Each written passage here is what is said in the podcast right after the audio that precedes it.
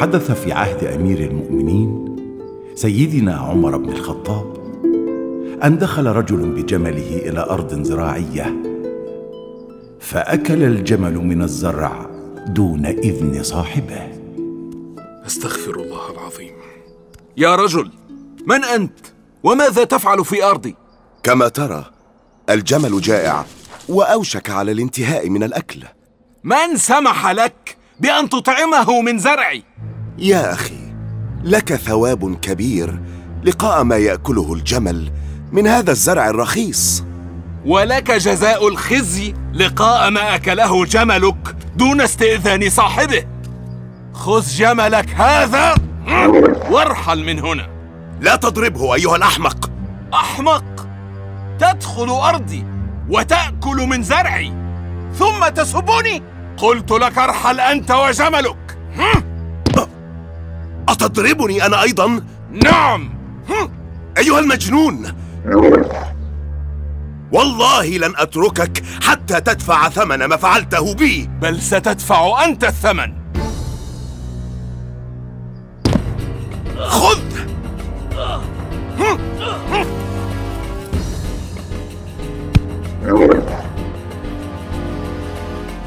ماذا فعلت بالرجل؟ يجب أن أهرب. هرب زيد بعد أن قتل صاحب الأرض ولكن رآه رجل التفت بعينه إلى جثة القتيل ونظر بعينه الأخرى إلى القاتل.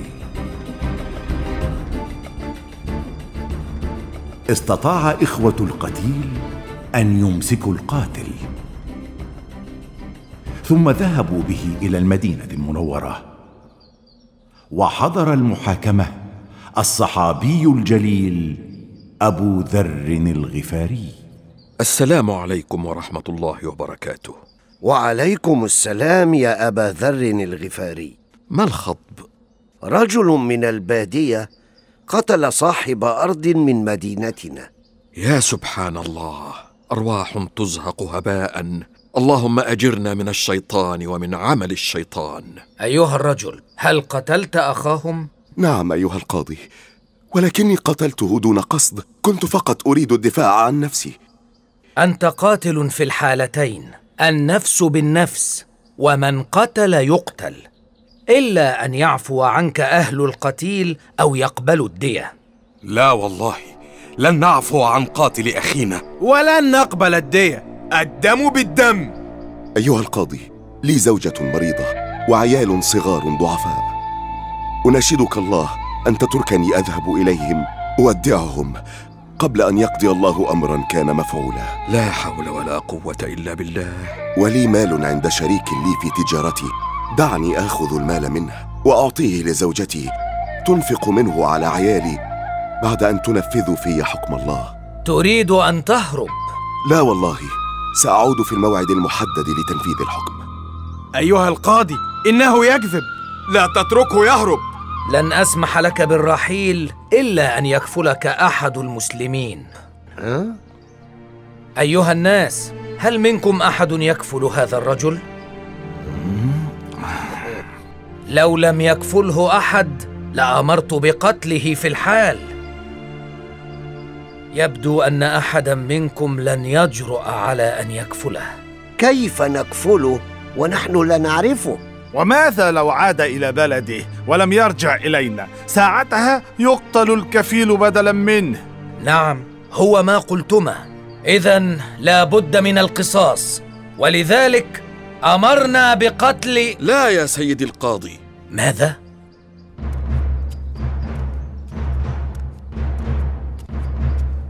سيدي القاضي أنا أكفل هذا الرجل. كيف يا أبا ذر وأنت لا تعرفه؟ هو أخي في الإسلام.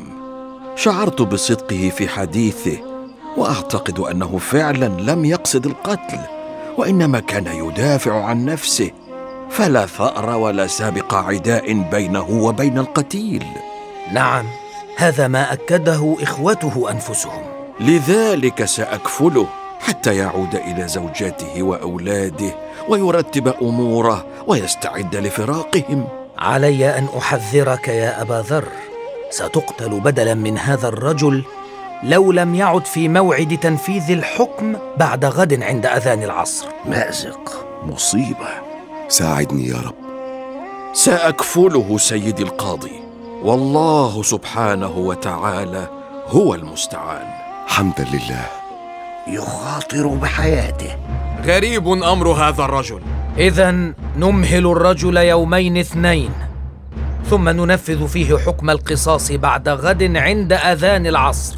فإن لم يعد نفذنا حكم القتل في كفيله أبي ذر الغفاري. أبا ذر لن أنسى لك مروءتك وأشكرك على ما صنعت في من معروف. الشكر لله يا أخي أما أنا فأطلب منك شيئا واحدا قبل أن تعود إلى قبيلتك. أطلب ما شئت. فأنت مجاب. عد في الموعد المحدد وإلا اطمئن. حتما سأعود.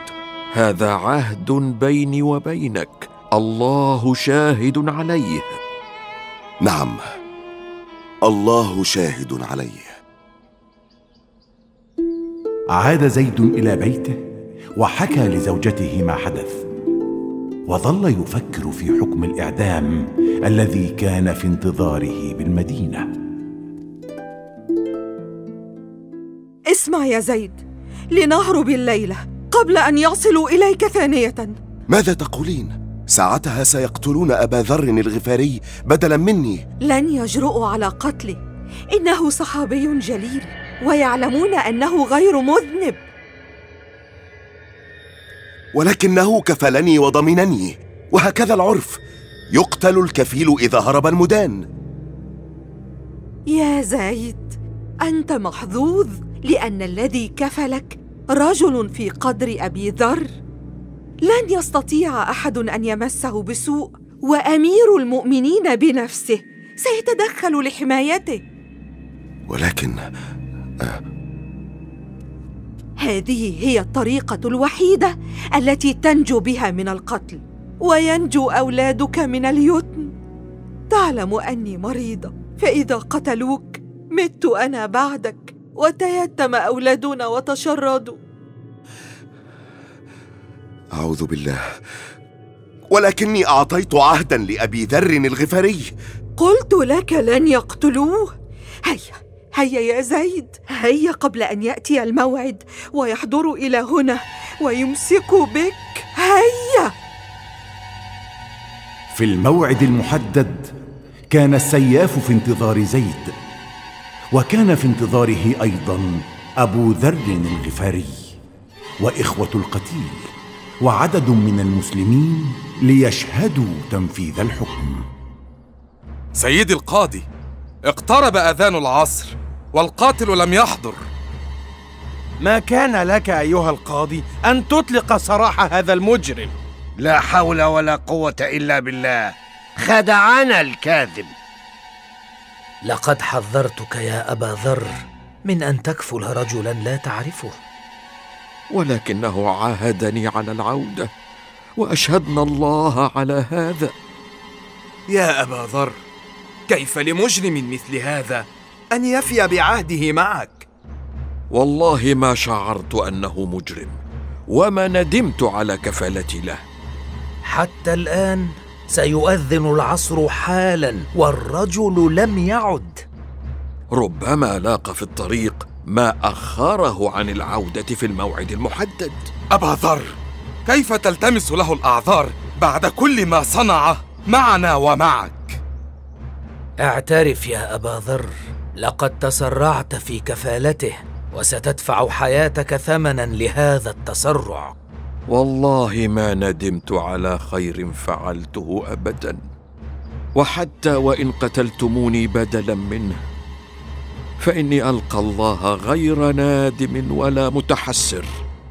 لو كان الأمر بيدي لعفوت عنك ولكني أنفذ فيك شرع الله. خذوا أبا ذر إلى السياف.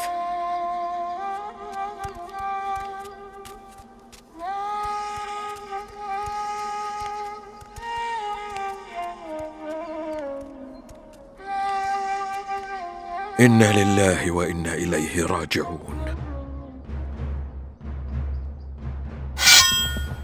أيها القاضي انتظر! لقد عدت! صدق الرجل. سبحان الله. ها, ها أنا ذا أيها القاضي. دعهم يتركوا أبا ذر. وينفذوا في شرع الله. أيها الرجل لقد ظننا أنك هربت. فما حملك على العودة؟ وجرأك على الموت. العهد الذي أخذه علي أبو ذر وجعلنا الله عليه شهيدا. خشيت أن أهرب ولا أعود فيقال ذهب الوفاء من الناس. وأنت يا أبا ذر ما الذي حملك على كفالته؟ والله خشيت الا يجد أحدا يكفله فيقال ذهب الخير من الناس. أيها القاضي لقد عفونا عن هذا الرجل. ماذا؟ غريب. ما الذي حملكم على أن تعفوا عنه بعد أن كنتم مصرين على القصاص منه؟ خشينا أن يقال ذهب العفو من الناس. الله أكبر الله